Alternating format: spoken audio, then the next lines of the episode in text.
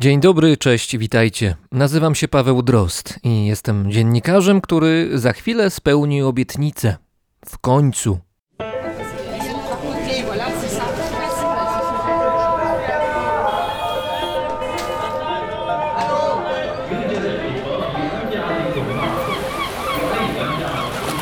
Brzmienie świata. Z lotu Drozda.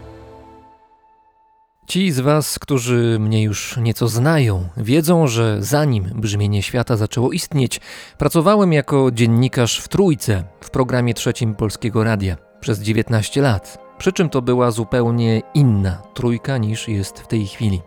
Teraz pozostała tylko nazwa. W czasie mojej pracy miałem okazję i przywilej jako reporter odwiedzać różne zakątki świata. Jednym z tych miejsc była Antarktyka. Tym odcinku do niej właśnie zajrzymy, ale najpierw spojrzenie wstecz. Ponad pół roku temu, w odcinku zerowym Brzmienia Świata, w odcinku, który był zwiastunem mojej nowej działalności jako autora podcastu, opowiadałem m.in. o mojej antarktycznej przygodzie z pewnym pingwinem. Był to pingwin białobrewy, młody egzemplarz, można powiedzieć, że nastolatek. Jeśli jesteście ciekawi tej opowieści, posłuchajcie odcinka zerowego. Natomiast ważne jest teraz to, że wówczas złożyłem Wam obietnicę, że kiedy w swoich przepastnych, dźwiękowych archiwach znajdę nagranie ze spotkania z tym pingwinem, przypomnę je tutaj, w brzmieniu świata. Otóż znalazłem. Za chwilę to nagranie usłyszycie. Bardzo, bardzo gorąco rekomenduję, żebyście słuchali go korzystając z jakiegoś dobrego sprzętu, choćby dobrej jakości słuchawek. Wiem, że czasami słuchacie mnie w samochodzie, ale tym razem zróbcie wyjątek. Jeżeli tego nie zrobicie, wtedy nie usłyszycie detali, które są do odnalezienia. Kto wie, może usłyszycie pingwinie kroki albo trzepot skrzydeł pingwina. Pingwin nie lata, ale skrzydła ma. Usłyszycie całą kolonię pingwinów, które są gdzieś na drugim planie. Usłyszycie antarktyczny wiatr i szum morza nieopodal. Na pewno są wśród Was fani map. Na mapach satelitarnych poszukajcie teraz hasła Peterman Island. Peterman pisane przez 2N. To niewielka wyspa leżąca tuż obok Półwyspu Antarktycznego. Kształtem przypomina trochę korzeń imbiru, przynajmniej mnie się tak kojarzy. W jej środkowej części, po zachodniej stronie, zauważycie wąską zatoczkę, która wchodzi w głąb wyspy. To tam, zaraz obok, na południe od tej zatoki, spotkałem pingwina, który teraz przed Wami wystąpi. Pingwin to był bardzo wyjątkowy, ponieważ był niezwykle ciekawski. Podszedł blisko, miał katar, nawet trochę kichał, a ja miałem na moje szczęście wtedy bardzo czuły mikrofon. Stałem nieruchomo i nasłuchiwałem. Przed Państwem nieznany z imienia i nazwiska, zakatarzony pingwin z wyspy Peterman.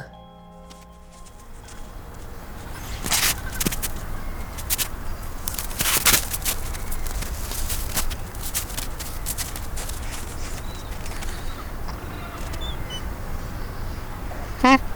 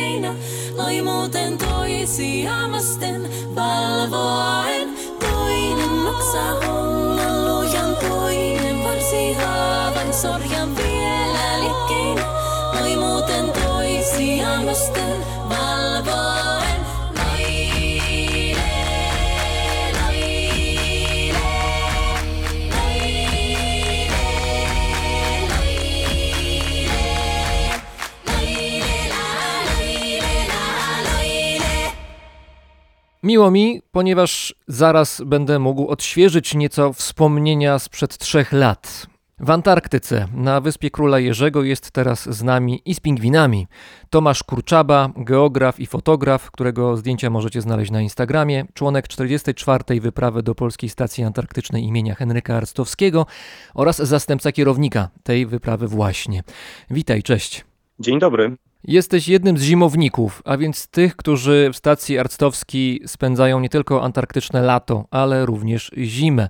Pełen rok, ale ten rok, rok 2020, jest, jak wszyscy wiemy, no rokiem takim powiedziałbym nietypowym, również dla ciebie i dla was, tych wszystkich, którzy są na Wyspie Króla Jerzego w tej chwili, na półkuli południowej, gdzie w tej chwili trwa już lato.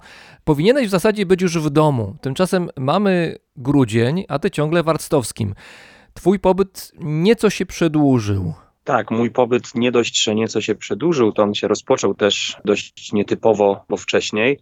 Dzisiaj mija mój 460 któryś dzień, już się gubię w tej rachubie, a przedłuża się przez to, że no, na świecie jest jak jest i obecnie są dość duże problemy z logistyką i z odbiorem nas stąd i dostarczeniem kolejnej grupy zimującej i letniej, więc czekamy na statek, który tradycyjnie rok do roku przypływał w okolicach października, czasem listopada, a teraz przypłynie dopiero w połowie stycznia. Powiedz mi, jak zapasy żywności w Arctowskim, bo byłem na miejscu, miałem to przyjemność, byłem tam króciutko, tam raptem dwa dni, jeden nocleg. I to było tuż przed rozpoczęciem zimowania w marcu. I ci, którzy tam bywali dłużej niż ja znacznie, czyli właśnie zimownicy, którzy nawet kilka zim już mieli za sobą w Arctowskim, mówili o tym, że Żywność pod koniec zimowania już nie jest tak atrakcyjna. Kończą się na pewno wszystkie rzeczy, które są świeże. Czasami nawet dochodzi do jakichś, no może nie bujek, ale zakulisowych walk o ostatnie jabłko, które się na stacji znajduje. No wasze zapasy myślę, że są już poważnie na wykończeniu, no bo jesteście w stacji bez zaopatrzenia już powiedzmy dwa miesiące dłużej niż powinniście. Jak to wygląda w tej chwili w kuchni?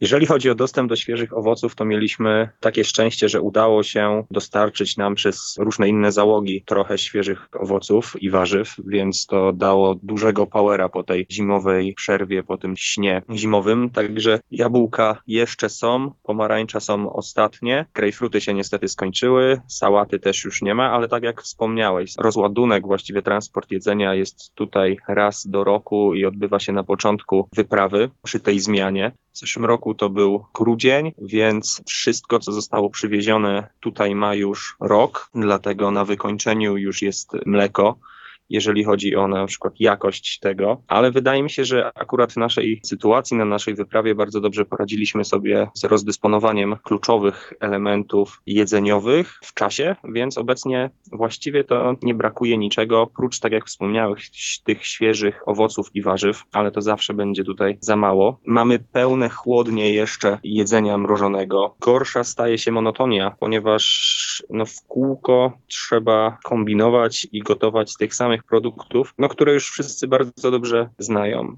A to jest chyba tak, że podczas pobytu letniej grupy, to znaczy kiedy w Warstowskim jest więcej ludzi i jest jeszcze kontakt z rzeczywistością zewnętrzną, to jest chyba na etacie kucharz czy kucharka, a potem, kiedy już duża część ludzi wraca do kraju i zostaje tylko ekipa zimowników na kolejne pół roku podczas zimy antarktycznej, to już kucharza nie ma i trzeba sobie radzić na miejscu samodzielnie, prawda? Tak, na czas lata, czyli przez te kilka miesięcy, jest w kuchni osoba, która zajmuje się przygotowaniem posiłków. Jak kończy się lato, opuszczają stację wszystkie osoby z grupy letniej, zostaje mała grupa osób. W naszym przypadku to było 10 osób, więc musieliśmy sobie z tym poradzić i zacząć gotować sami. Każdej osobie raz na 10 dni, wyłączając niedzielę, przypadał dyżur, więc jeżeli ktoś nie umie gotować, to musiał nauczyć się gotować i testować swoje arcydzieła na całej reszcie. Także taka zabawa jak najbardziej na plus. Wiadomo, że czasami osoby przyjeżdżają tutaj z większym bagażem doświadczeń kulinarnych, inne z mniejszym, ale to, że jesteśmy tutaj odizolowani i w tak małej grupie, myślę, że sprzyja temu, żeby móc razem wspólnie pogotować i nie spinać się właściwie przed, przed tą kuchnią. Powiedz, jakie są albo jakie były hity zimowe, hity kulinarne w Warstowskim w tym roku? Do największych hitów właściwie można zaliczyć nieudane potrawy. Nieskromnie powiem, że, że jedno z takich topowych produkcji należy do mnie, bo uparłem się na to, żeby nauczyć się robić kaczkę w piekarniku i podsmażyć w sosie śliwkowym. I o ile sos wyszedł, no to użyłem niefortunnie do wykonania tego dania plecków z kaczki. Pisało na pudełku kaczka, to zabrałem kaczkę no ale mięsa tam nie było. Pachniało wybornie, tylko że zostało wyśmiane na stole. Wyszedł z tego kapeć bez grama mięsa, no nie szło. To był hit kulinarnych porażek. Można tutaj też dołączyć strasznie przesoloną rybę, której nie szło zjeść i różnego rodzaju kuchnie azjatyckie. Też takie się zdarzały i były z kolei zbyt ostre, zbyt pikantne i też nie cieszyły się dużym powodzeniem. A jeżeli chodzi o takie dobre rzeczy do jedzenia, te, które wyszły, to często brylowała na stole kuchnia polska, pierogi lepione ręcznie. Powiedz, czy pamiętasz moment, gdy dowiedziałeś się, że świat stoi w obliczu pandemii? No bo wtedy niewiele wiedzieliśmy o wirusie, był też strach, była niepewność, a dowiedzieć się o czymś takim w Antarktyce to musiało być trochę jakby się człowiek znajdował w środku scenariusza jakiegoś filmu katastroficznego. Mieliśmy wtedy zaplanowane wyjście na badania lodowcowe i musieliśmy przejść od stacji przez kopułę lodową w stronę wschodnią, przejść cały ten pas lodu, który dzieli naszą stację od innej stacji i ta trasa była zaplanowana na jeden dzień marszu przez lodowiec z ciężkim sprzętem do badań i przed tym wyjściem właśnie my dostaliśmy informację, że powoli zamykają już te wszystkie stacje badawcze. Na szybko udało nam się dostać jakieś pozwolenie tych stacji tak, że można było dotrzeć do nich i po takim ciężkim dniu odpocząć, no i przede wszystkim się schronić. I od tego czasu właściwie te stacje tutaj wszystkie się pozamykały. Do nas powoli docierało to, że coś się na świecie dzieje. Mieliśmy informacje o, o zakażeniach, że są zamykane różne miasta czy granice, ale bezpośrednio nas to nie dotykało, dlatego początki były dość takie śmieszne dla nas. Wyciągnęliśmy na stół grę o nazwie pandemia i próbowaliśmy zwalczyć wirusa na planszy. Czasami się udawało, czasami nie, ale oprócz tego śledziliśmy sobie sytuację w Polsce, na świecie i tak trochę nie dowierzaliśmy temu, co się dzieje, albo może inaczej nie potrafiliśmy sobie tego wyobrazić. No bo tutaj nikt nikomu nie narzucił noszenia masek, nikt nikomu nie narzucił dezynfekowania rąk po każdej wizycie gdziekolwiek. Ta informacja o tym wirusie do nas dochodziła, ale ona cały czas była. No i z mojego punktu widzenia muszę powiedzieć, że nadal jest tak trochę równolegle do tego całego życia, które się dzieje tutaj. Wspomniałeś o sąsiadach waszych, sąsiadach e, stacji Arctowski, bo sąsiedzi są, bo w ogóle trzeba powiedzieć ważną rzecz, że znajdujemy się na wyspie Króla Jerzego, która jest stosunkowo niedaleko, jak na antarktyczne odległości, od Półwyspu Antarktycznego, czyli od Antarktydy. I na wyspie Króla Jerzego nawet można byłoby odnieść takie wrażenie, że jakoś jest nawet tłoczno, ponieważ mają tam swoją stację Rosjanie, którzy zresztą wybudowali na miejscu cerkiew, co jest rzeczą zupełnie wyjątkową w skali Antarktyki. Są Urugwajczycy, są Chilijczycy, są nawet Chińczycy ze swoją stacją o nazwie, a jakże Wielki Mur. I w pewnym oddaleniu od nich swoją bazę mają Koreańczycy z południa, Argentyńczycy, a najbliżej stacji Arstowskiej z kolei są Brazylijczycy i Peruwiańczycy. Co prawda te stacje nie są jakoś bardzo, bardzo blisko siebie, ale jakieś obustronne wizyty przed pandemią jeszcze i w okresie letnim to jeszcze się zdarzały. Tak, na wyspie jest 11 stacji. 9 z tych stacji jest całoroczna. I w naszej okolicy, w takim najbliższym sąsiedztwie, faktycznie są to stacje peruwiańskie, stacja brazylijska i stacja amerykańska. No i faktycznie jest to jak na te warunki rzut beretem, bo zaledwie 10-15 kilometrów w linii prostej pontonem przez zatokę i właściwie od powiedzmy października ubiegłego roku te wizyty z Brazylijczykami odbywały się regularnie kilka razy w miesiącu. Raz przyjeżdżali oni do nas, raz my do nich. Mogliśmy się z nimi zaprzyjaźnić, zakolegować i ta stacja była nam najbliższa, nie tylko ze względu na sąsiedztwo, ale na ich otwartość i jest tak, że raz do roku każda stacja obchodzi swoje święto. W naszej stacji przypada to na luty i tego dnia właściwie zjeżdżają się zaproszeni goście z całej wyspy, więc przypływają statki, przylatują śmigłowce, nagle na stacji robi się bardzo, bardzo, bardzo tłoczno i takie dni stacji obowiązują albo są praktykowane też na innych stacjach, także to jest dobry moment i dobry powód, by odwiedzić i raz, że poznać inne osoby, a dwa, zobaczyć ich stację, bo taka logistyka tutaj nie jest zbyt łatwa. To jest y, z jednej strony tak, jakby wyspa Króla Jerzego była takim miejscem, gdzie życie tętni, gdzie są metropolie, ludzie się odwiedzają, ale to tak nie jest. To jest tylko z pozoru w ten sposób. Tak naprawdę, szczególnie zimą, jesteście cały czas w izolacji, a teraz w tym roku, w związku z pandemią, jesteście w izolacji podwójnej, bo nawet te niewielkie szanse i okazje, żeby się spotkać z innymi ludźmi, spoza tej waszej dziesiątki, która zaczęła zimowanie, to zostały te możliwości odcięte. Czy po tych 460 paru dniach, jak powiedziałeś, odczuwasz jakieś zmęczenie tą sytuacją? Dla mnie pobyt tutaj był swoistego rodzaju wygraną, ponieważ ja w regiony polarne jeżdżę od sześciu lat już, więc wiedziałem, jak ugryźć taki pobyt, ale też nie miałem tak długiego doświadczenia w takiej izolacji. Moje wcześniejsze wyprawy to były dwa i pół miesiąca, trzy miesiące w odizolowaniu w Arktyce, w takich małych kontenerach bez dostępu do bieżącej wody, bez dostępu do prądu ciągłego. I po przyjeździe tutaj miałem taki duży szok, że tak stacje polarne mogą funkcjonować. Jakby wiedziałem to wszystko wcześniej i z relacji innych osób, i z książek, dla mnie odległość od świata, ta izolacja, ona nie jest dużym problemem, ponieważ ja kocham to miejsce, w którym jestem i bardzo je lubię. Bardzo podobają mi się krajobraz, ta przestrzeń.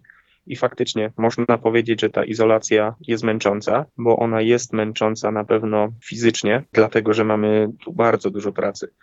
Właściwie każdy dzień z dobrą pogodą jest wykorzystywany do prowadzenia monitoringów. Każdy dzień z gorszą pogodą jest wykorzystywany do prowadzenia prac technicznych na terenie stacji. Głowa też nie odpoczywa, no bo jednak monotonia i rutyna, cały czas te same miejsca, cały czas te same twarze potrafią no, zajść za skórę więc trzeba umieć sobie jakoś odreagować, odpocząć i, i się oderwać w jakiś sposób od tego wszystkiego. I mogę powiedzieć o sobie, że powoli odczuwam takie zmęczenie, będąc tutaj, ale bardziej jest to zmęczenie fizyczne, takie, że już wysiadają powoli kolana, wysiadają powoli nadgarstki, plecy właściwie, czy kark wysiadł kilka miesięcy temu i, i, cały czas doskwiera. I przebywanie tutaj w tych zimnych warunkach to jest piękny czas i, i wspaniały, ale mocno eksploatuje człowieka. Więc pod tym względem jestem zmęczony i nawet jeżeli zdarza się, że są dwa, trzy dni złej pogody, to ten organizm nie zdąży się zregenerować. On się trochę naprawi, przez kilka kolejnych dni można działać, ale po chwili znowu ta energia spada. A jeżeli chodzi o, o takie psychiczne kwestie, no to najlepszą opcją byłoby wzięcie urlopu w ciągu tej wyprawy, przebywania tutaj tego roku i odizolowania się od tych miejsc, od tych ludzi na dwa tygodnie i przyjazd tutaj z nową energią ale niestety tak nie można. Wszystko jest tutaj, każda droga wyjazdu właściwie jest bardzo skomplikowana, bądź czasem też niemożliwa i trzeba się z tym zmierzyć. Mam akurat na stacji tak mm, fajną grupę i tak udało się układać ten zespół, że nie ma większych komplikacji, nie ma większych awantur czy kłótni. Razem sobie dajemy radę i względnie w przyjaznych warunkach. Wiadomo, że na tak małej przestrzeni, jeżeli jesteśmy 24 godziny na dobę, zdarzają się jakieś sprzeczki i to jest nieuniknione, bo nawet takie rzeczy wychodzą w domach, a tutaj jesteśmy rzuceni trochę na głęboką wodę, bo przyjeżdżamy jako totalnie obcy sobie ludzie. I faktycznie pobyt tutaj no, eksploatuje w bardzo dużym stopniu, ale na ostatnim grillu patrzyłem przed siebie i, i miałem świadomość tego, że za półtora miesiąca już będę musiał być spakowany i, i czekać na statku, aż odpłyniemy. I szczerze mówiąc, to łezka mi się w oku zakręciła, bo, bo już wiem, że będę tęsknił za tym miejscem. No, tak właśnie to działa. Tak jak kiedyś dowiedziałem się o takiej bardzo ważnej chorobie, o gorączce arktycznej, no to tak po pobycie tutaj mogę stwierdzić, przekwalifikować tę chorobę na polarną gorączkę, taką chorobę, która ewidentnie zmusza człowieka do przebywania czy do wracania do miejsc polarnych, odizolowanych i dalekich. 10 osób w jednym miejscu, mówisz, że się dogadujecie tak jak w rodzinie, czyli generalnie jest dobrze, czasami są jakieś potknięcia i problemy, ale rozwiązujecie je i jesteście w stanie pójść do przodu. Ale czy przed przyjazdem na miejsce, wiedząc o tym, że będziesz zimował, że będziesz spędzał tam rok, teraz się okazało, że dłużej, no ale wtedy byłeś przekonany, że to będzie rok, czy brałeś pod uwagę taką możliwość, że wśród tej dziesiątki, oprócz ciebie, będą ludzie, z którymi się po prostu nie dogadasz, z którymi nie znajdziesz wspólnego języka, którzy może będą konfliktowi, którzy może będą mieli męczące przyzwyczajenia, albo sposób działania, albo taką optykę, która nie będzie twoją optyką, a jednocześnie będziesz musiał z nimi spędzić ten czas i współpracować, bo takie masz zadanie, bo taką masz pracę. Czy brałeś to pod uwagę, a jeżeli tak, czy miałeś jakiś pomysł na to i czy jakoś się do tego przygotowywałeś w głowie? No tak jak wspomniałem, ja dużo czasu spędziłem w izolowanych miejscach, w małych grupach w Arktyce. Ten czas przed kilkoma laty nauczył mnie tego, żeby współpracować w małych grupach. Co prawda tam wymiana osób była większa i to zmęczenie osobami było mniejsze i krótsze przede wszystkim, to to doświadczenie dało mi taką umiejętność lawirowania i takiego starania się, próby rozmowy ze wszystkimi osobami, bycia i przyjacielem, i nieprzyjacielem na zasadzie takiej neutralnej. Obrałem sobie taką strategię, że nie będę chciał wnikać w żadną mniejszą strukturę, bo w każdej grupie powyżej sześciu osób bodajże tworzą się podgrupki. Tutaj też tak było przez cały czas, jest nadal i te grupki jakby migrują podczas całego pobytu, bo wiadomo, że z kimś się ktoś lepiej dogaduje, z kimś gorzej, później się ten punkt widzenia też w jakiś sposób y, zmienia. Moja strategia była taka i miałem to zaplanowane od początku, żeby nie należeć do żadnej z tych grupek, a wręcz próbować biegać pomiędzy nimi. Nie do końca mi to wyszło i to z perspektywy czasu jestem o tym od teraz już przekonany, ale takie nieprzyzwyczajanie się do konkretnych osób próba zrozumienia każdej ze stron, bardzo duża elastyczność. Ja mogę tylko opowiedzieć, jak to wygląda z mojej strony. Absolutnie nie chcę, nie chcę mówić, że mi to wyszło, bądź też nie wyszło, bo to by trzeba było zapytać inne osoby, ale myślę, że poradziłem sobie z tym całkiem nieźle, ponieważ z większością tutaj uczestników mam bardzo dobre relacje i wręcz stopie niekiedy przyjacielskiej. I tego też nauczyłem się właśnie będąc w Arktyce, że trzeba być bardzo wyrozumiałym i próbować patrzeć też oczami innych osób na dane sytuacje, no bo każdy jest inny, każdy patrzy na daną rzecz innymi oczami, ma inny pomysł na to. Bo zdarzało się i zdarza wiele sytuacji, gdzie ktoś postępuje według swojego uznania albo według swoich schematów, czy tego, czego nauczył się przez wiele lat swojego życia, no i tutaj wdraża te zachowania. To są różne drobnostki, takie gesty, czy czasami słowa, które mogą gdzieś na przestrzeni tych kilkunastu miesięcy w końcu, no tak się spiętrzyć, że aż będą przeszkadzać. Ale albo to trzeba przedyskutować, albo po prostu to przemilczeć. I moim zdaniem to się dość dobrze sprawdza. Wychodzi na to, że stara dobra empatia jest słuszną drogą na każde problemy i kontakty międzyludzkie, także polecamy nie tylko w Antarktyce empatią się posługiwać. Wspomniałeś o grillu. Widziałem takie nagranie, gdzie solidna zamieć śnieżna była i sobie grillowaliście na zewnątrz budynku. Nie wiem, czy to było przy samolocie, ale prawdopodobnie. No właśnie, bo mieszkańcy Arstowskiego nazywają główny budynek stacji pieszczotliwie samolotem. I to z dwóch powodów właściwie. To znaczy, po pierwsze, patrząc z góry, przypomina ten główny budynek nieco samolot ze skrzydłami na planie krzyża, można powiedzieć. A po drugie, chyba to najważniejsze, w Zatoce Admiralicji na Wyspie Króla Jerzego, tam gdzie stacja Arstowskiej się znajduje, potrafi bardzo solidnie wiać można mieć wrażenie, że cały budynek za chwilę odleci się stanie samolotem niejako. Doskwierał ci ten wiatr? Miałeś też takie wrażenie jak poprzedni zimownicy, że samolot właśnie samolotem się za chwilę stanie? Bardzo silnie tutaj wieje. Miałem kilka przygód właśnie związanych z silnymi wiatrami. Zdarzało się tak, że wiało wieczorami i ten moment, kiedy kładłem się do swojego łóżka, przykrywałem się kołdrą i słyszałem to trzaskanie, ten łopot tego wiatru, wiedziałem, że wieje powyżej 130-140 km na godzinę w porywach.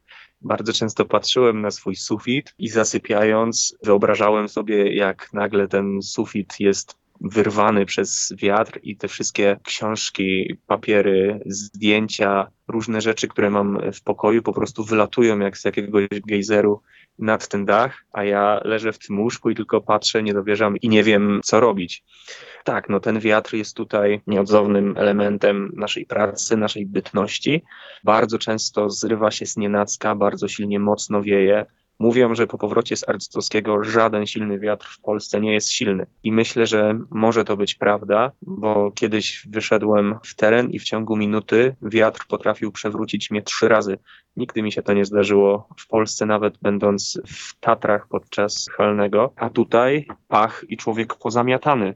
Bardzo często idąc nawet z samolotu na siłownię, trzeba było przykucnąć, złapać sieliny, bo szła taka fala podmuchu, że po prostu przepychała cię kilka metrów w jedną stronę, w drugą stronę. Jak był śnieg, no to można było wpaść w zaspę, czasami można było się przewrócić. Nasz rekord to było 46 metrów na sekundę, czyli około 180 km na godzinę. Jest to duża wartość, ale wracając do nazwy tego budynku samolot, to, to tak, masz rację. Przy prędkości powyżej 35 metrów wiatru, no ten samolot tak trzeszczy, że wydaje się, że zaraz będzie startował. W środku w mesie mamy dużo pamiątek, jest bardzo dużo zdjęć powieszonych z różnych wypraw, prezentów od jachtów czy grup różnych, które tutaj się Zawsze, kiedy są porządki, jest wszystko czyszczone i później te ramki są ustawiane na ścianie, ładnie, prosto wiszą, ale wiszą one tylko i wyłącznie do momentu pierwszego solidnego podmuchu, bo później ustawiają się tak, jak powinny być, czyli pod dyktando właśnie wiatru. A z takich sytuacji jeszcze wiatrowych, no to ten wiatr i jest taką fajną rzeczą,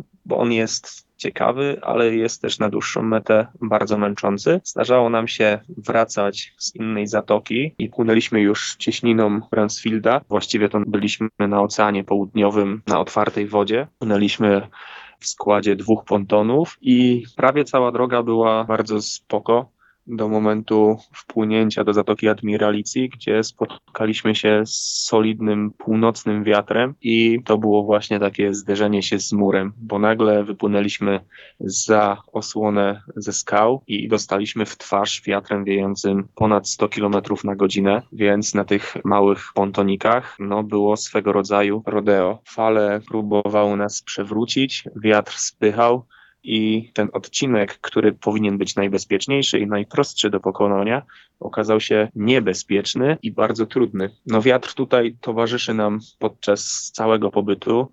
i trzeba mieć na niego uwagę i też wiedzieć, kiedy można sobie pozwolić na, na jakąś pracę na zewnątrz, a kiedy absolutnie nie wolno wyjść z samolotu, z budynku czy z terenu stacji, bo jest to już niebezpieczne. Czy Antarktyka zapewniła ci jakieś doświadczenie graniczne, to znaczy takie doświadczenie, kiedy widziałeś, że pomiędzy życiem a śmiercią było niewiele przestrzeni? Myślę, że mógłbym wymienić dwie albo trzy takie sytuacje. Wszystkie trzy były związane po części z wiatrem. Jedna z nich to było to, kiedy w górach spotkał mnie wiatr wiejący z prędkością 180 km na godzinę i średnio miałem jak wrócić do stacji, bo wiatr spychał mnie w zupełnie inną stronę niż w tę, w którą chciałem iść. Inna sytuacja to była taka, gdzie martwa fala, to jest taka fala, która dochodzi do danego miejsca już nie bezpośrednio pchana wiatrem, ale jest to pozostałość po dużych sztormach i wichurach. To taka martwa fala plus dodatkowy inny wiatr z innej strony złapał nas po pracy, właściwie w trakcie pracy, w trakcie robienia nalotów nad haremami słoni morskich i tam trafiła na nas fala, która miała około 6-7 metrów wysokości, gdzie my byliśmy na 6-metrowym zodiaku więc bardzo ciężko. Do tego zeszła mgła. Płynęliśmy wzdłuż brzegu, no tak, żeby móc się nawigować.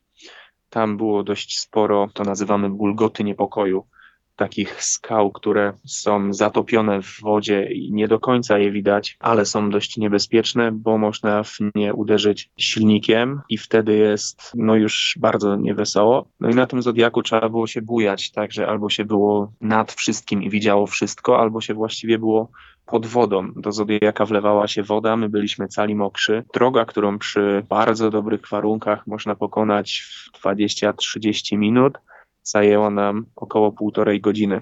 I to już była taka walka, walka o życie. I inna taka sytuacja, gdzie może nie bezpośrednio tak poczułem, że, że zaraz zginę, to było podczas powrotu też zrobienia nalotów przez kopułę lodową. Wracaliśmy na skuterach i była ładna pogoda, bez wiatru, ale nagle na kopule dopadła nas totalna mgła, taka, że nie widzieliśmy właściwie 2-3 metry dalej drugiego skuteru, który przed nami jechał czy stał, a patrząc w prawo i w lewo, nie było nic widać, bo wszystko zlewało się ze sobą w jedność. Śnieg właściwie był biały, mgła była biała i nikt nie wiedział, czy jedziemy pod górkę, czy jedziemy w dół, czy jedziemy przechyleni w prawo, czy w lewo. To cały ośrodek orientacji przestrzennej w naszym mózgu totalnie zwariował i, i ześwirował i jechaliśmy tylko po śladzie GPS-a, który mieliśmy wytyczony wcześniej przy ładnej pogodzie, ale wiadomo, że GPS no, ma jakieś swoje błędy. A przejazd przez kopułę oznacza nic innego niż przejazd pomiędzy szczelinami. Właściwie cały czas w głowie było to, że jeżeli się zatrzymamy, albo zwolnimy, albo będziemy mieli pecha, po prostu wpadniemy do takiej szczeliny i najprawdopodobniej już z niej nie wyjdziemy. Więc no to były takie powiedzmy sytuacje, gdzie troska o swoje życie była dość znaczna, bym powiedział, bo oprócz tego było, nie wiem, setki może sytuacji innych, gdzie mając już jakieś doświadczenie, umiejętności czy obycie z różnymi sytuacjami, one nie wyglądały z pozoru na aż tak niebezpieczne. Czyli powiedzmy przy robieniu pomiarów na wodzie nagle urywa się cała ściana lodu, wszystkie te kawałki wpadają do wody, one tak odskakują od tego lodowca jak po wybuchu jakiejś bomby. Takie kawałki lecą na kilkaset metrów od czoła. Ty musisz płynąć tym pontonem, uważać, żeby ta fala, która powstaje po wpadnięciu setek ton lodu do wody ciebie nie zmyła, żeby nie oberwać tymi kawałkami lodu. Takich sytuacji no, było bardzo dużo, takich na pograniczu, ale gdzieś tam po powrocie, jak już adrenalina zeszła, można było na spokojnie to przeanalizować, no to właściwie wychodziły takie ciekawe historie do zapamiętania. Interesuje mnie kwestia podejmowania ryzyka, bo ono jest oczywiście, kiedy się jest w takich miejscach jak Antarktyka czy Arktyka, miejsca, które są oddalone od ludzkich siedzib, gdzie potencjalnie zagrożeń jest wiele, to jest raz, a dwa, bardzo trudno jest uzyskać ewentualną pomoc, gdyby coś się stało. I popraw mnie, jeśli się mylę, ale może jest też tak, tak mi się wydaje, że tak człowiek, my jesteśmy skonstruowani, że jeżeli jesteśmy w jakimś miejscu przez wiele miesięcy, to oswajamy to miejsce i jednocześnie oswajamy też potencjalne zagrożenie, co może powodować to, że nawet ignorujemy pewne zagrożenie, które byłoby nim wyraźnie dla nas jeszcze kilka miesięcy wcześniej. Tutaj mam na myśli wydarzenie, które miało miejsce w tym roku, którego uczestnikiem był Mike Horn, bardzo doświadczony, no, światowej sławy celebryta polarnik i wyczynowiec, który też ma na swoim koncie zresztą przejście przez Arktykę w zeszłym roku razem z Bergiem Oslandem. 87 dni przeszli przez Arktykę, przez całą Arktykę, rzecz zupełnie niebywała. I ten doświadczony, niezwykle doświadczony człowiek w tym roku upłynął sobie przez Arktykę na swoim jachcie razem z przyjaciółmi. Zobaczyli na horyzoncie niewielką górę lodową, taką wysokości, nie wiem, może ona miała 10 metrów, może 15, nie za duża była jak na górę lodową. I postanowił ów Mike Horn razem ze swoim przyjacielem wspiąć się przy pomocy czekanów i raków, spiąć się na tę górę tak dla przyjemności po prostu, żeby było śmiesznie. Zaczęli na nią wchodzić i w pewnym momencie góra zaczęła się przewracać, to znaczy zmieniła środek ciężkości, stanęła do góry nogami, można powiedzieć, wrzucając obu panów do wody. Na szczęście nic się nie stało i obaj byli tylko troszkę przestraszeni i przede wszystkim mokrzy, ale sam Mike Horn mówił o tym, że to, co zrobił razem z przyjacielem, to była totalna głupota. Jak to wygląda z Twojej perspektywy po ponad roku, po 460 dniach na miejscu? Czy obserwujesz u siebie albo u innych takie zjawisko właśnie, że pewne rzeczy już nie są takie straszne, nie są już takie niepokojące, jak jeszcze były na początku, mimo że być może powinny być? Myślę, że sam przyjazd tutaj to jest pewnego rodzaju zaakceptowanie ryzyka, zaakceptowanie tego, że w takim ryzykownym środowisku będziemy żyć i będziemy pracować. I tak jak można stwierdzić, że tutaj jest przyjemnie, miło, ale jest miło, jak jest pogoda. I faktycznie zdarza się tak, że, że musimy ryzykować, że jesteśmy do tego zmuszeni podczas wykonywania różnych tutaj czynności. Można zauważyć to i to jest bardzo wyraźnie to widać, że wraz z upływem dni, miesięcy, zebranym doświadczeniem tutaj, te największe niebezpieczeństwa zmniejszają się w tej randze takiego czegoś, co na początku byłoby super niebezpieczne, bo właśnie my przyzwyczailiśmy się do tego, że jest tutaj źle i ten próg możliwości czy obcowania z tym ryzykiem jest podnoszony przez każdą osobę tutaj. Tyczy się to zarówno robienia badań w zatokach z czołami lodowców, gdzie te lodowce w sezonie letnim potrafią bardzo obficie się cielić, ale też są do wykonania różne zadania i operacje na wodzie, czy to wykonanie nalotu, czy pomiar próbek, czy różne sądowania. Z każdą wizytą w takim miejscu człowiek jest w stanie trochę bardziej przewidywać to, co się wydarzy. Ja nie mówię, że, że będzie wiedział i będzie umiał to zrobić w stu procentach, bo wypadki się zdarzają. Zresztą no, przytoczyłeś historię pana Majka. Doświadczona osoba jednak nie przewidziała to, że akurat taki kształt góry albo góra o takiej podstawie może się przewrócić po wejściu. Jednak się to zdarzyło, a ma bardzo duże doświadczenie. My jesteśmy tutaj w pracy i z tyłu głowy zawsze jest to, że za nas ktoś odpowiada. Jest też tak, że podczas pobytu tutaj, jak już się oswoimy z tym terenem, z tymi warunkami, no chce się i więcej, i dalej, i więcej, i dalej. Więc gdzieś tam czasami może takie bezpieczne granice były też przez nas naginane, ale wydaje mi się, że właśnie przez to doświadczenie wszystko było zrobione z umiarem. Faktycznie góry lodowe, które pływają tutaj w Antarktyce są niesamowite, ale zdarza się niestety, że one się przewracają. Zresztą całkiem niedawno byłem świadkiem, jak taka piękna góra z taką dziurą w sobie w ciągu kilku minut się obróciła o 90 stopni. No najpierw się przewróciła, zanurzyła cała, później wypłynęła, więc można próbować nasłuchiwać, ale są to elementy dość, dość niebezpieczne. Tutaj padło kilka ważnych słów, które mogą nie być zrozumiałe dla naszych słuchaczy, więc trzeba wyjaśnić. Wcześniej wspomniałeś o cieleniu się lodowca, czyli to jest ten moment, kiedy z dużego lodowca, który dociera do wody, odrywa się duży kawał lodu i w związku z tym ten kawał lodu wkrótce zamienia się w to, co nazywamy górą lodową, która sobie pływa po morzach i oceanach, aż się rozpadnie na kawałki, albo czasami gdzieś osiada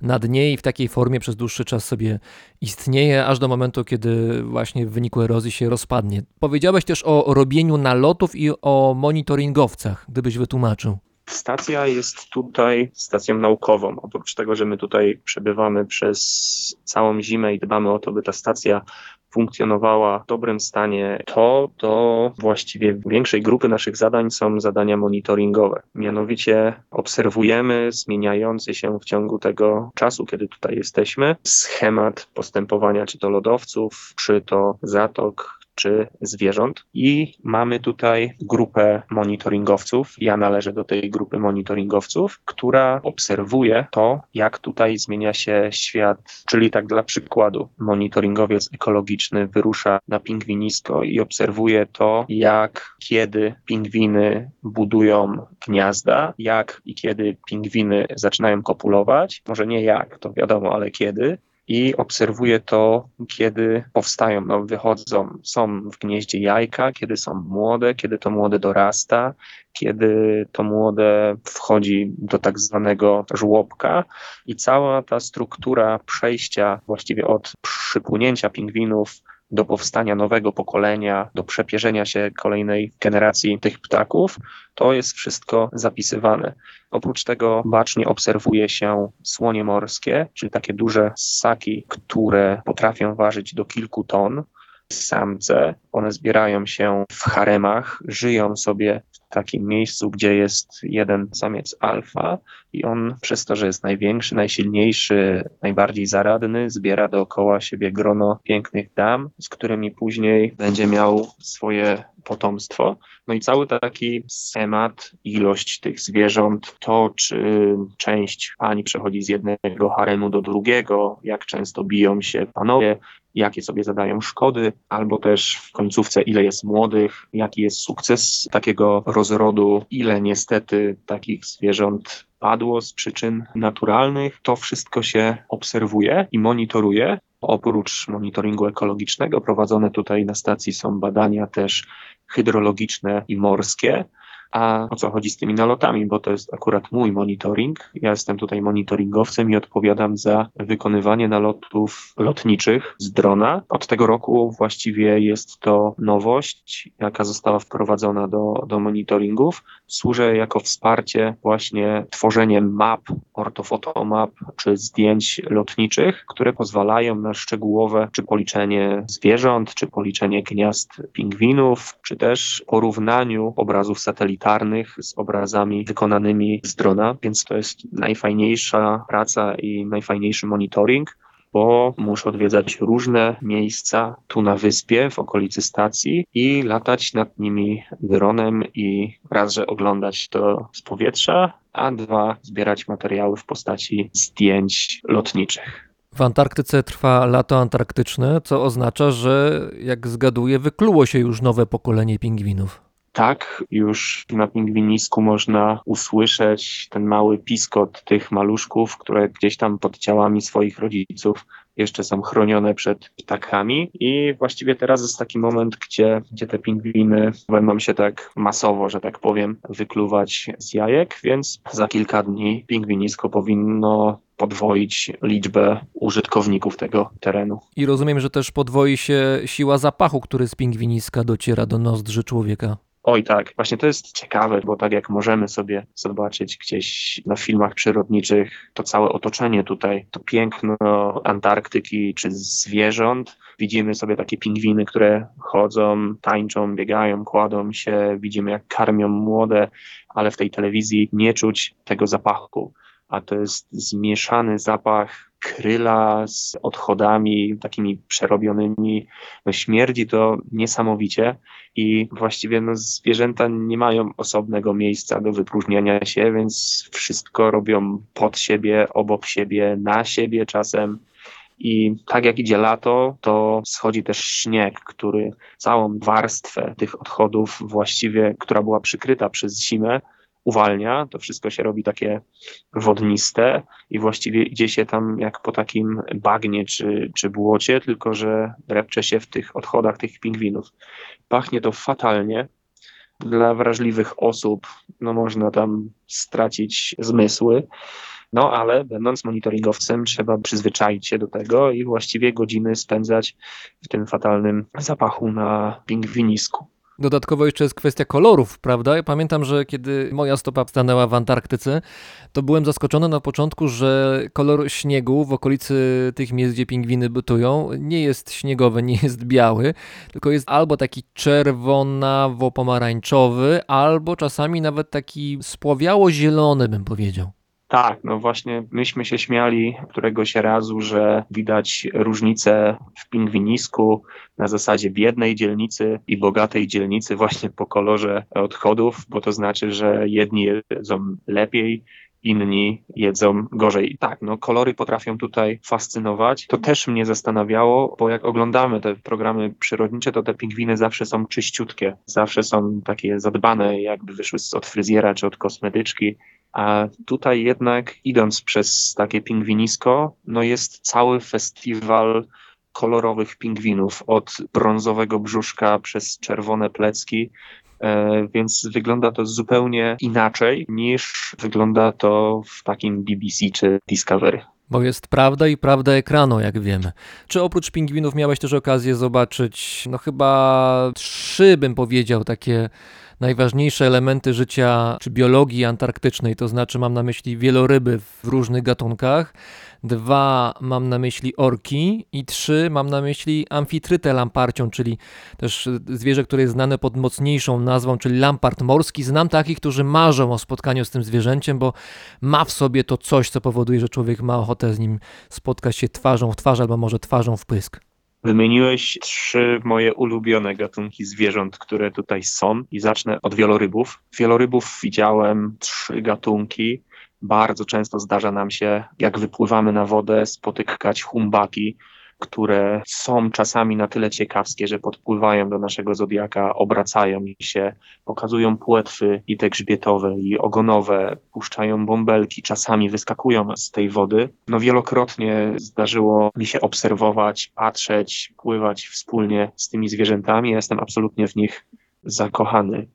Co do lampardów, to pamiętam w zeszłym roku, jak przyjechałem, bardzo dużym wyróżnieniem, powiedzmy, było spotkanie takiego lamparta, bo nie było ich zbyt wiele. Właściwie zbyt wielu my ich nie widzieliśmy. Są to zwierzęta, które wylegują się na krach lodowych. To są zwierzęta, które z pozoru jak się patrzy na, na nie śpiących na krze, bardzo leniwe. Lamparty potrafiły leżeć w grupach dwu, czasami trzy osobnikowych, nawet na jednej krze. To w takim razie zazdroszczę Ci, bo ja widziałem coś innego, a zobaczyłbym więcej lampartów morskich. Widziałem tylko jednego z oddali, jednego, który przepłynął pod jachtem e, naszym i to był tylko krótki moment, ale rzeczywiście robi wrażenie jego taki rodzaj... Hmm, wężowego pyska, bym powiedział. Bardzo charakterystyczny, jak się z bliska na niego spojrzy i odróżnia się od powiedzmy klasycznych fok wyglądem. Tak, no paszczę mają niesamowitą.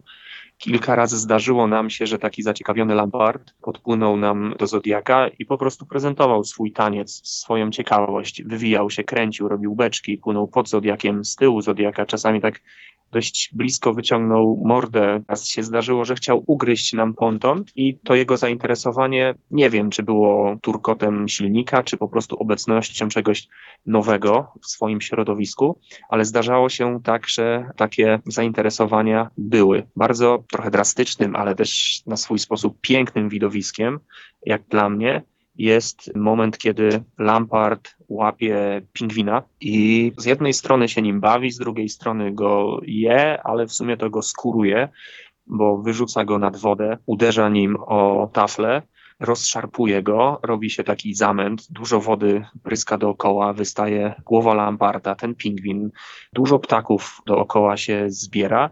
To jest takie pięć minut takiej szamotaniny, takiej już nie walki, ale zabawy tego lamparta swoją ofiarą czy jedzeniem. Więc to obcowanie z tymi zwierzętami jest cudownym doświadczeniem tutaj i właśnie przez to, że my tutaj jesteśmy tyle czasu, mamy też dużo większą możliwość na to, żeby obserwować te zwierzaki. I wracając teraz do najukochańszych zwierząt, tych orek, o których wspomniałeś, to tutaj to są zwierzęta takie trochę widmo, bo z jednej strony wiadomo, że te orki w strefie Antarktyki patrolują wybrzeża, patrolują wody i one są i pływają w dużych stadach, ale przez te 460 dni, które tu jestem, udało mi się zobaczyć tylko raz, chociaż nawet ten raz był niesamowity, bo podczas płynięcia na naloty, bo ja jak pływam, to pływam na naloty, pokazała się dość dziwna płetwa na horyzoncie i w pierwszej chwili myśleliśmy, że to humbak po prostu się obrócił i pokazał płetwę boczną i to było to. Ale ona nagle stała się i większa, bo była bliżej nas i bardziej ostra. Wyglądało to jak jakiś rekin. Po chwili, jak sobie uświadomiliśmy, że to jest orka, to po prostu zmiękły nam nogi. Byliśmy na tym zodiaku i mogliśmy się kręcić w ogóle dookoła ze szczęścia, bo obok tej jednej płetwy wystawała druga, po chwili trzecia, za chwilę się zrobiło sześć, drugie sześć z drugiej strony i w pewnym momencie byliśmy okrążeni na tym małym pontoniku przez kilkanaście orek, które pływały dookoła nas. Pokazywały mordki, pokazywały płetwy ogonowe, grzbietowe, wpływały pod nas, obok nas, kręciły się. No brakowało tylko, żeby któraś nad nami skoczyła. Wszystko to trwało no, około 40 minut, cały ten spektakl i my do końca nie wiedzieliśmy, tak jakby nie docierało do nas to, jakie szczęście mieliśmy, bo może bliżej gdzieś tam kontynentu, w tych zatokach, przy samym kontynencie, przy Półwyspie Antarktycznym jest ich zdecydowanie więcej. Tutaj one są takim gatunkiem czy osobnikami, które bardzo rzadko się spotykają i wydaje mi się, że niewiele osób miało okazję je zobaczyć z daleka. Bardzo mało osób miało okazję mieć je właściwie na, na wyciągnięcie ręki. A nie obawiałeś się, że te orki tak rozmawiały, kto będzie brał pierwszy kęs? Wiesz, w pewnym momencie zauważyłem, jak jedna orka podpływa pod nami i miałem wrażenie, że chce ugryźć śrubę od silnika, więc dałem szybko gazu, więc tak jakby się troszeczkę minęła z tym silnikiem. Widziałem filmiki w internecie, jak orki próbują przewrócić ponton i im się to nie udawało bo one robią taką charakterystyczną falę, która przewraca e, i zmywa z gór lodowych czy z skry różne zwierzęta, czy to pingwiny, czy foki. I dlatego, że na tym filmiku im się to nie udało, byłem o tyle spokojny, że, że nas nie zjedzą, choć była taka nutka takiej niepewności, że, że może spróbują przewrócić nasz ponton, a my wpadniemy w ich szpony. Z tym, że na świecie nie odnotowano żadnego przypadku, kiedy orki zaatakowały bądź też zjadły człowieka na wolności, bo zdarzały się takie przypadki w zamknięciach, ale na wolności tego nie odnotowano. Albo rzeczywiście ci, którzy robili filmiki, kiedy orkom się udało, to już nie są wśród nas, też tak mogą być. Bardzo możliwe, no i tych filmików też już nie zobaczymy. Ten rok w polskiej stacji arctowskiej to był, jest wciąż jeszcze wyjątkowy rok, nie tylko przez pandemię i wydłużony czas pobytu polarników, to też druga w historii tej placówki śmierć. Pierwsza miała miejsce dawno, bo w 1979 roku to był początek właściwie działalności Arctowskiego i wtedy na miejscu zmarł doświadczony przyrodnik i fotograf Włodzimierz Puchalski. Zresztą jego grób y, znajduje się na wzgórzu nieopodal stacji, miałem okazję go oglądać. I teraz po 40 latach miała miejsce druga tragedia, właśnie teraz w tym roku. Zmarł Maciej Hagowski, ratownik medyczny. Miał ksywkę Hagrid, prawda? O, my nam Maćka mówiliśmy Maciula. Właśnie ze strony Hagrida nam się nie przedstawił. Maciula, Maciuś, to była taka osoba pełna uśmiechu, zawsze lubił opowiadać anegdoty i dużo czasu spędziliśmy przegadując. Osobiście z Maćkiem, dlatego że byliśmy najmłodsi na tej wyprawie, najlepiej się dogadywaliśmy. Mieliśmy wspólne pasje, dużo czasu spędzaliśmy razem i myślę, że nawet się tak trochę traktowaliśmy jak takie rodzeństwo.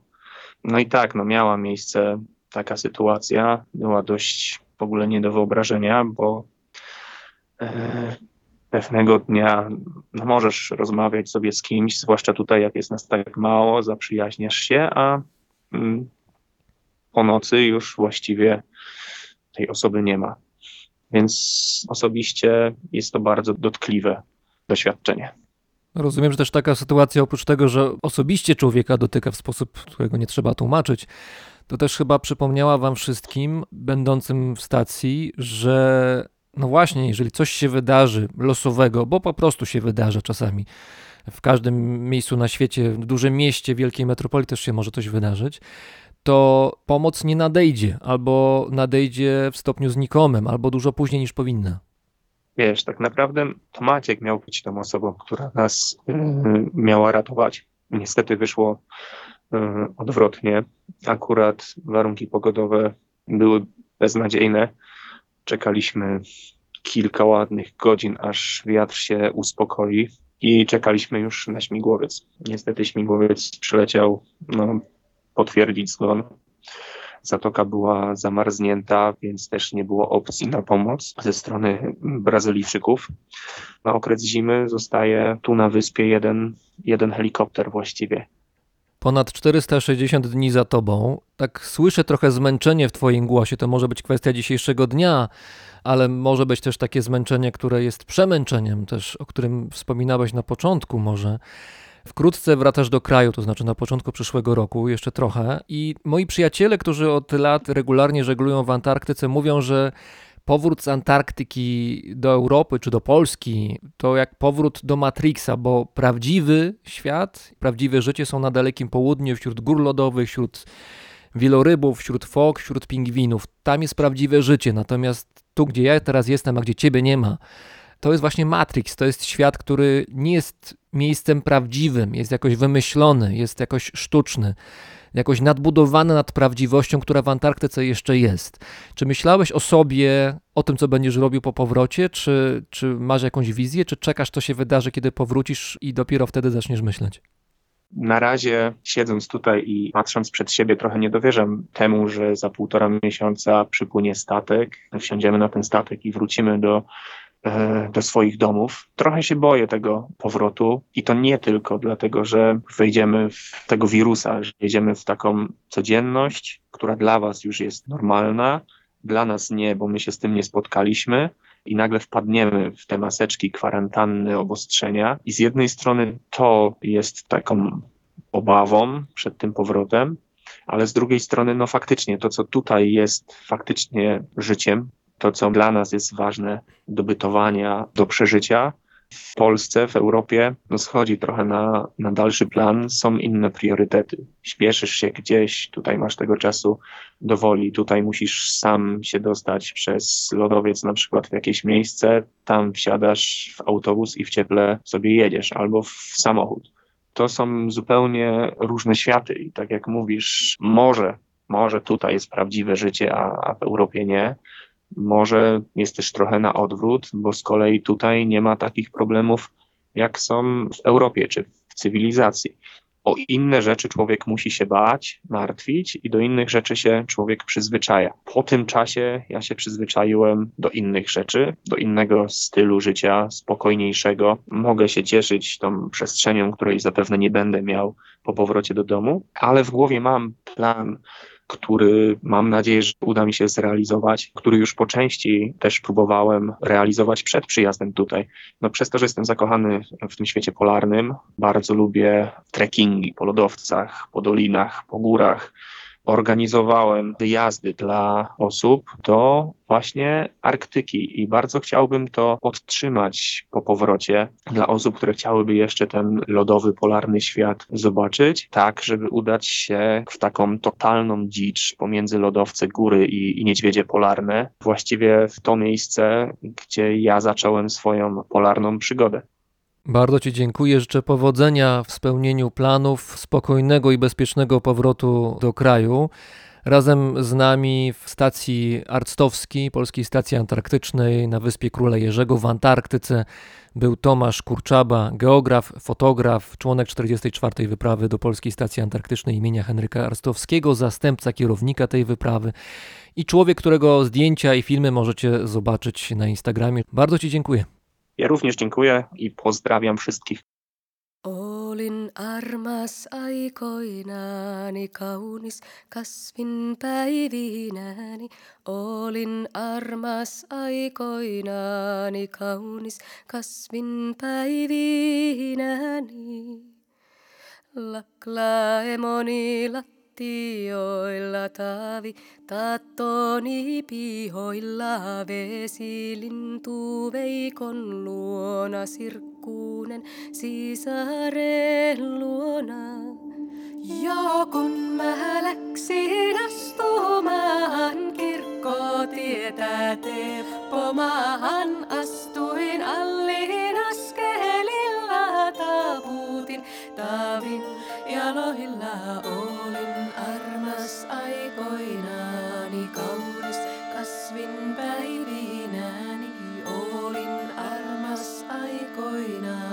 kaunis kasvin päivinäni. Johlaklaa emoni lattioilla taavi, taattoni pihoilla vesilintu veikon luona sirkkuune sisaren luona. Ja kun mä läksin